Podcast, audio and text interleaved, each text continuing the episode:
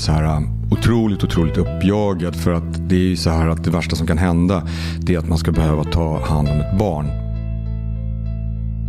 Nu är det liksom, nu är på väg in mot fullbordat faktum. Nu kommer jag få veta hur söndertrasad den här lilla tjejen är.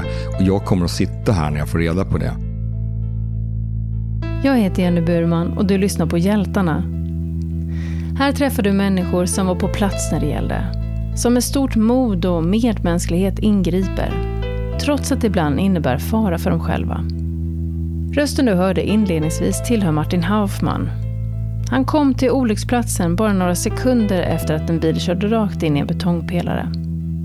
På platsen möter han en svårt skadad och chockad man. Och inne i bilen sitter mannens dotter som vid tillfället är cirka åtta år gammal. Martin gör en fantastisk insats för de båda två.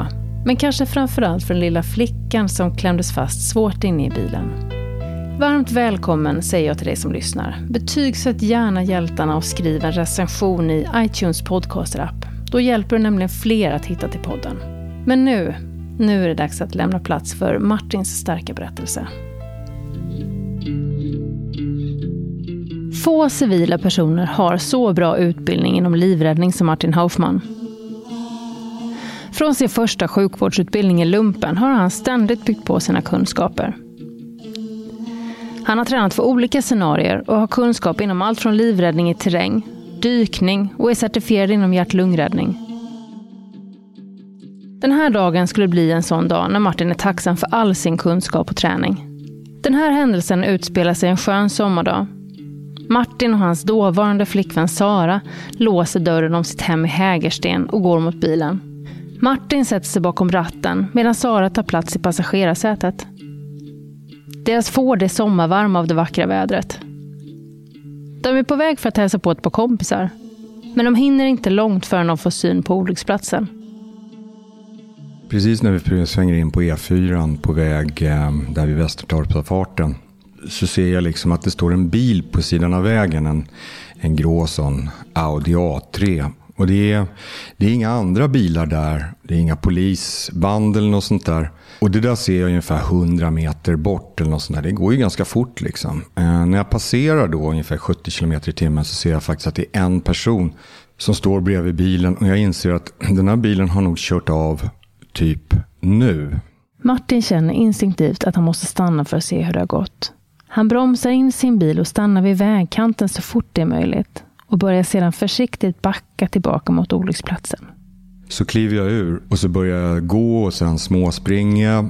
Då inser jag att den här bilen har precis kört in i en betongpelare.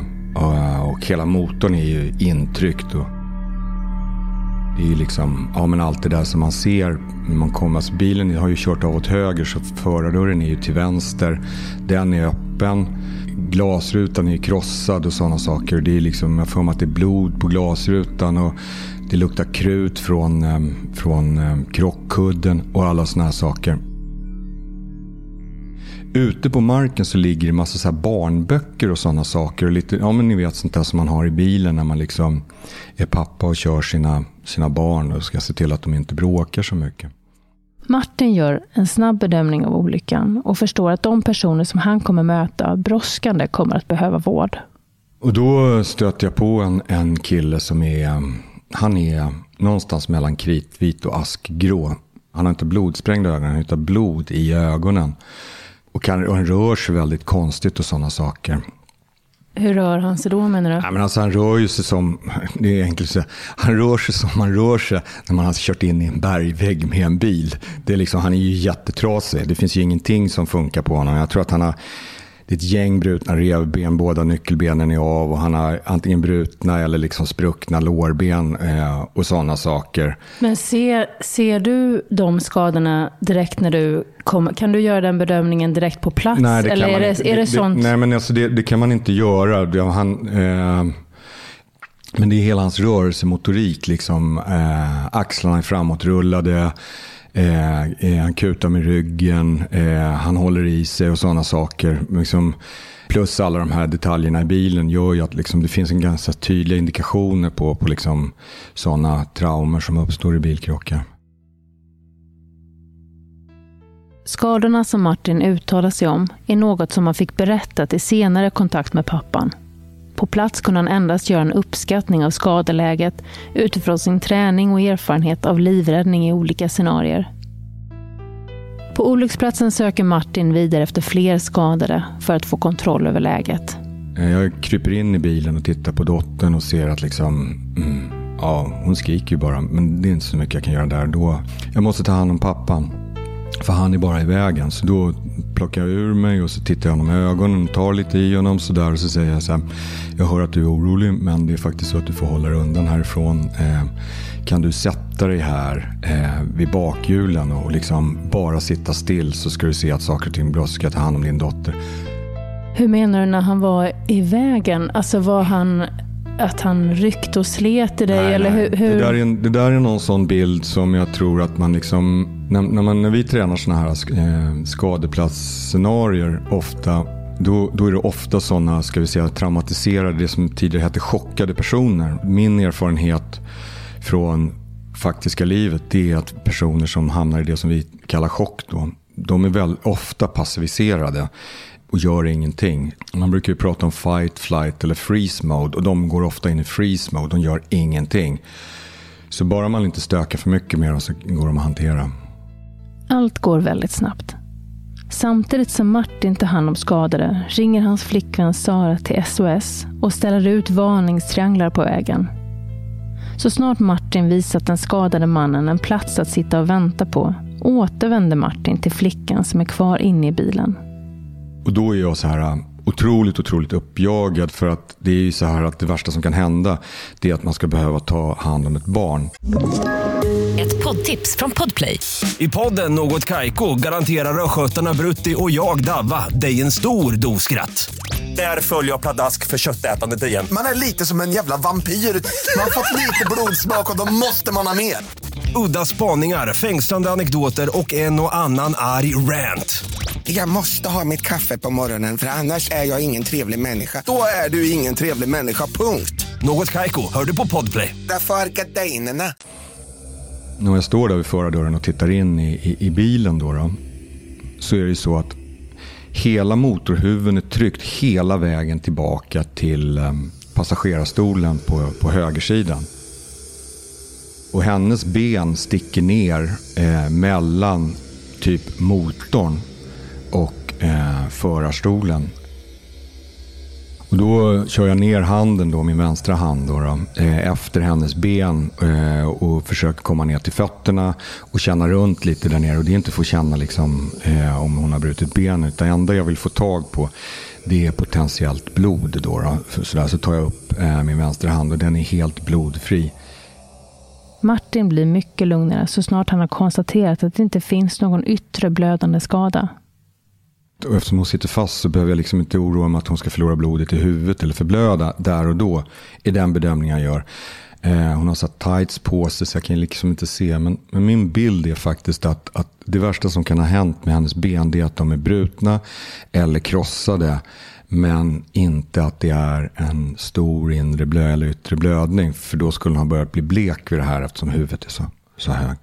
Du hör ju hur jävla rationell jag är. Liksom. Det är helt jävla makalöst att jag pallar det här. Men, men så funkar jag i alla fall. Några. Martin gör bedömningen att flickans liv inte är i direkt fara och därför kan han gå tillbaka till den skadade mannen för att titta till hans tillstånd. Han har ont och är mycket orolig för sin dotter. Martin undersöker mannens skador och berättar för honom om flickans tillstånd. Därefter kryper Martin in i bilen och tar plats bredvid flickan. För att minska eventuella nackskador håller han flickans huvud stilla. Samtidigt pratar han med henne för att hon ska hålla sig lugn. Tillsammans väntar de på att räddningstjänsten ska komma.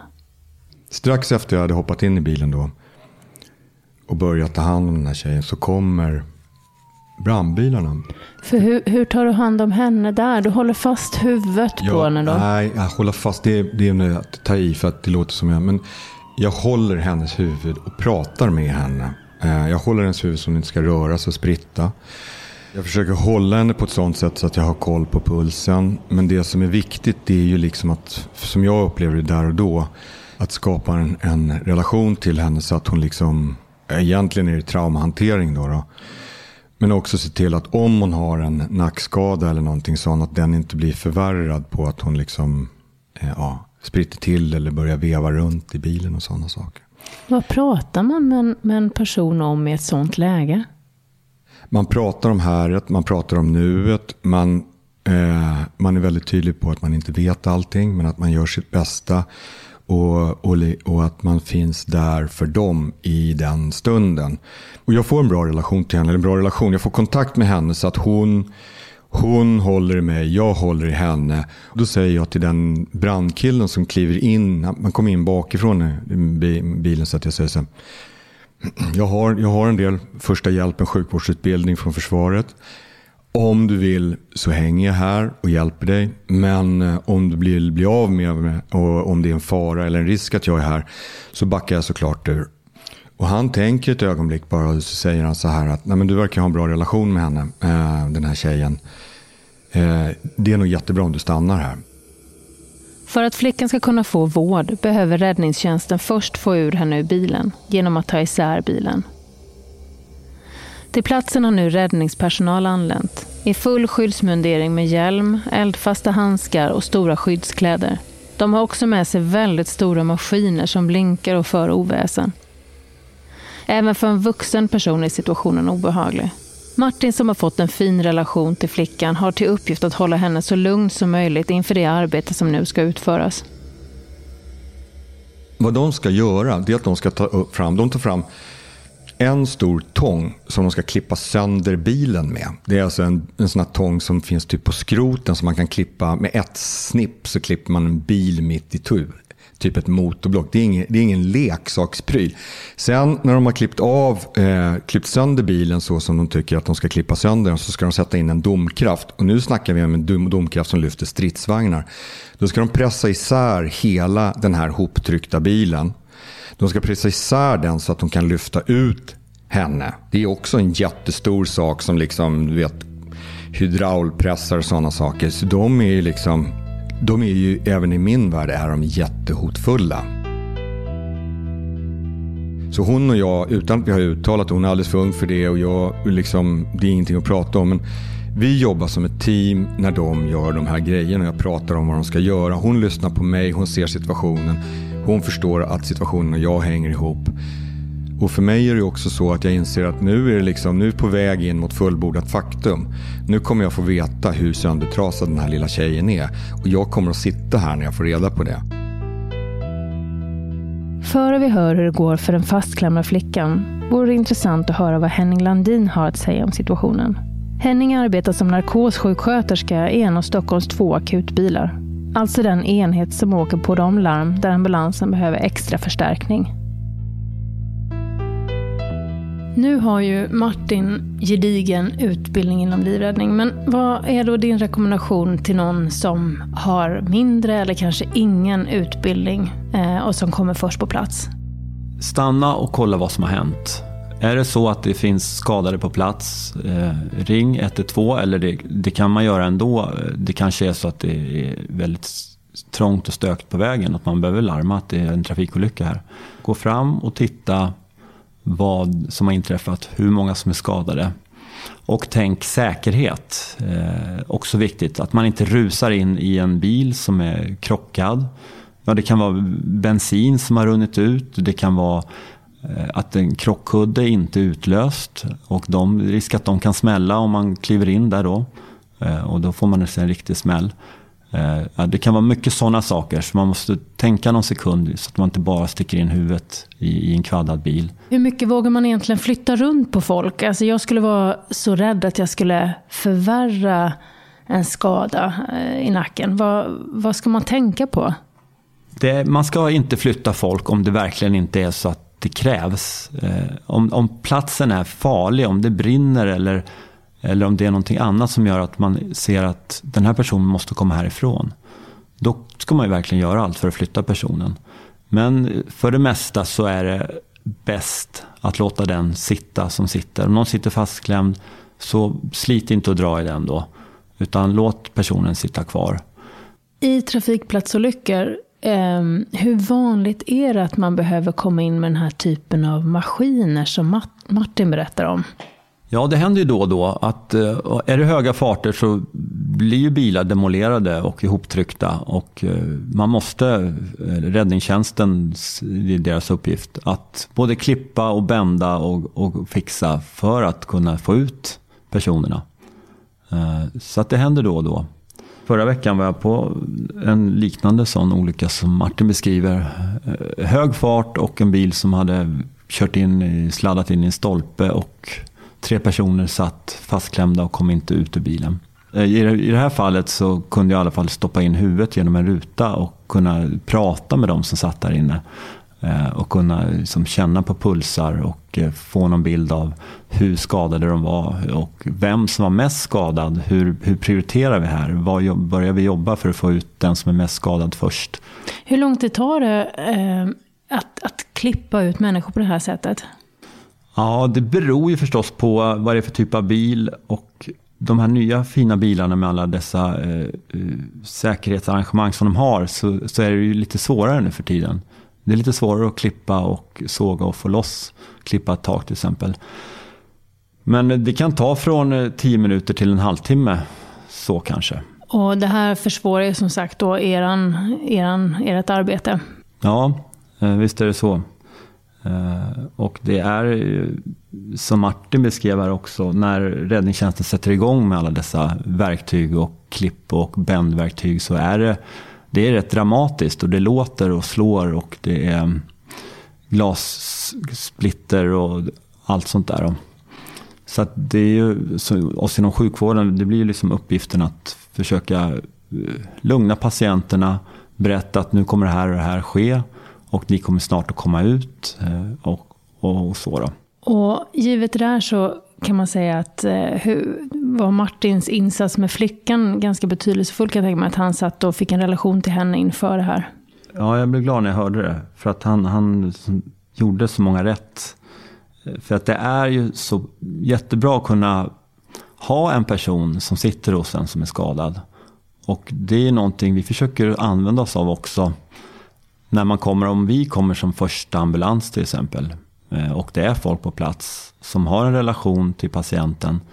Att eh, fortsätt med den, sitt kvar hos patienten. Om, om det finns en, en person hos varje som har byggt en relation och som, som håller huvudet, ser till att luftvägen är fri, så gör det jättemycket skillnad. Och det gör att vi kan eh, fokusera på annat då, liksom vidare i, i sjukvården. Om då räddningstjänst redan är på plats, vad är din rekommendation då till någon som är förbipasserande?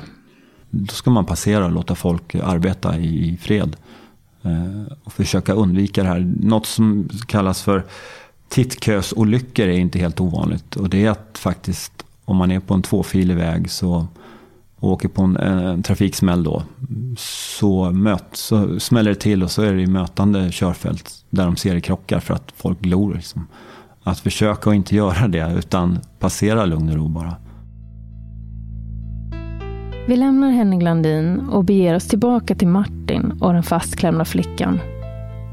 Vi sitter där i bilen och den, den av brandmännen som är i bilen som har den här domkraften och som ska putta isär. För att det är ju så att motorn är ju, hela, hela motorrummet är ju över hennes ben. Då tar han tag i mig och påkallar min uppmärksamhet och så säger han kan du ta tag i hennes huvud och hålla bort det när vi gör den här grejen för vi tror att hennes ben är helt avkapade. Och då ska jag sitta där i, det, i den situationen. Jag ska, jag ska ta hand om henne men framförallt ska jag också ta hand om mig själv. Räddningstjänsten gör bedömningen att flickans ben kan vara så pass allvarligt skadade att mannen från räddningstjänsten vid ett tillfälle ger Martin instruktioner på engelska för att inte skrämma den lilla flickan i onödan. Och då är det så här att i vissa lägen när, eh, när man får sådär eh, när, när kroppsdelar ramlar av, då har kroppen en, en funktion att den, den bryter blodflödet så att man inte ska förblöda. Så att kroppen skapar ett eget avsnörande förband i vissa situationer. Jag vill inte argumentera med honom. Eh, jag ser ju min egen stress och stressbelastning och tänker bara så här, ja men det är väl jag som försöker liksom argumentera för att världen inte är så jävla katastrofal som den kanske är. Jag har haft min hand där nere, jag har inte sett något blod. Jag kan ha rätt, eh, jag kan ha fel. det sker Guds vilja liksom. Eh, och så börjar de trycka med den där. Martin hade haft rätt i sin undersökning. Flickans ben var inte av. Pappan och flickan åker varsin ambulans till sjukhuset. Martin, som har fått god relation till flickan, följer med i hennes bil. På sjukhuset konstaterar man att flickan har klarat sig väl utan större skador. Du Martin, hur mådde du dagarna efter det här? När sådana här saker händer så är det så att ens, ens värld förändras ganska mycket. Så att det finns ju en värld före man har varit med om en sån här upplevelse och den har ju känslor då. då. Och så finns det så här världen efter man har varit med om en sån här sak. Och de har andra känslor och om jag skulle berätta hur jag kände där och då efteråt för någon som inte har varit med om det här så skulle de inte förstå vad det handlar om. Eh, det skulle säkert också låta väldigt, väldigt konstigt och, och, och märkligt. Eller? En känsla som jag tror är, är väldigt närvarande både när det händer och, och efteråt. Det är att livet har aldrig varit så levande. Är det att man känner sorg och glädje? Eh, eller vad, vad, och vilka känslor finns i det? Nej, men jag tror att det är så här att um, i ett sånt här modernt samhälle som vi lever så, så söker vi ibland svaret på frågan meningen med livet. Eh, och även om vi inte har ställt oss den frågan så, så, kanske den finns. Men, men kanske i ett sånt här tillfälle så, så gestaltar sig svaret, meningen med livet. Eh, det kan finnas flera meningar med livet, men det här är en av dem. Eh, och det är en ganska stark upplevelse att man får en sån eh, djup insikt. Eh, man, man, skulle säkert kunna att den är, säga att den är religiös, men det är och då skulle vissa människor förstå, tycka att de förstår vad man pratar om. Men, men det, här är, det här är ju en tunn strimma existens där döden och, och, och början på livet, livets början och livets slut är, är komprimerade i en enda situation. Och det är ju det är en kosmisk upplevelse. Vid en sån här händelse finns livet före och livet efter, säger Martin. Livet är aldrig så levande som när allt ställs på sin spets. När det handlar om liv eller död. Och trots att Martin blev starkt berörd av händelsen så kände han sig trygg under sitt ingripande. Tack vare gedigen utbildning. Och är det någonting som vi kan lära oss från den här berättelsen så är det just värdet av att gå en utbildning. Men även om man inte gått en utbildning så är det precis som Henning Landin säger att alla kan göra någonting. Man kan hålla handen, man kan prata lugnande och inte minst larma 112 och stanna kvar på plats och hjälpa SOS-operatören i sitt arbete. Tusen tack för att du har lyssnat och tack också till Martin Hoffman och Henning Landin för kunskap och inspiration. Jag som gör Hjältarna heter Jenny Burman och mig hittar du på Civilkuragebyrån. Jag hoppas att du vill lyssna snart igen. Hej då!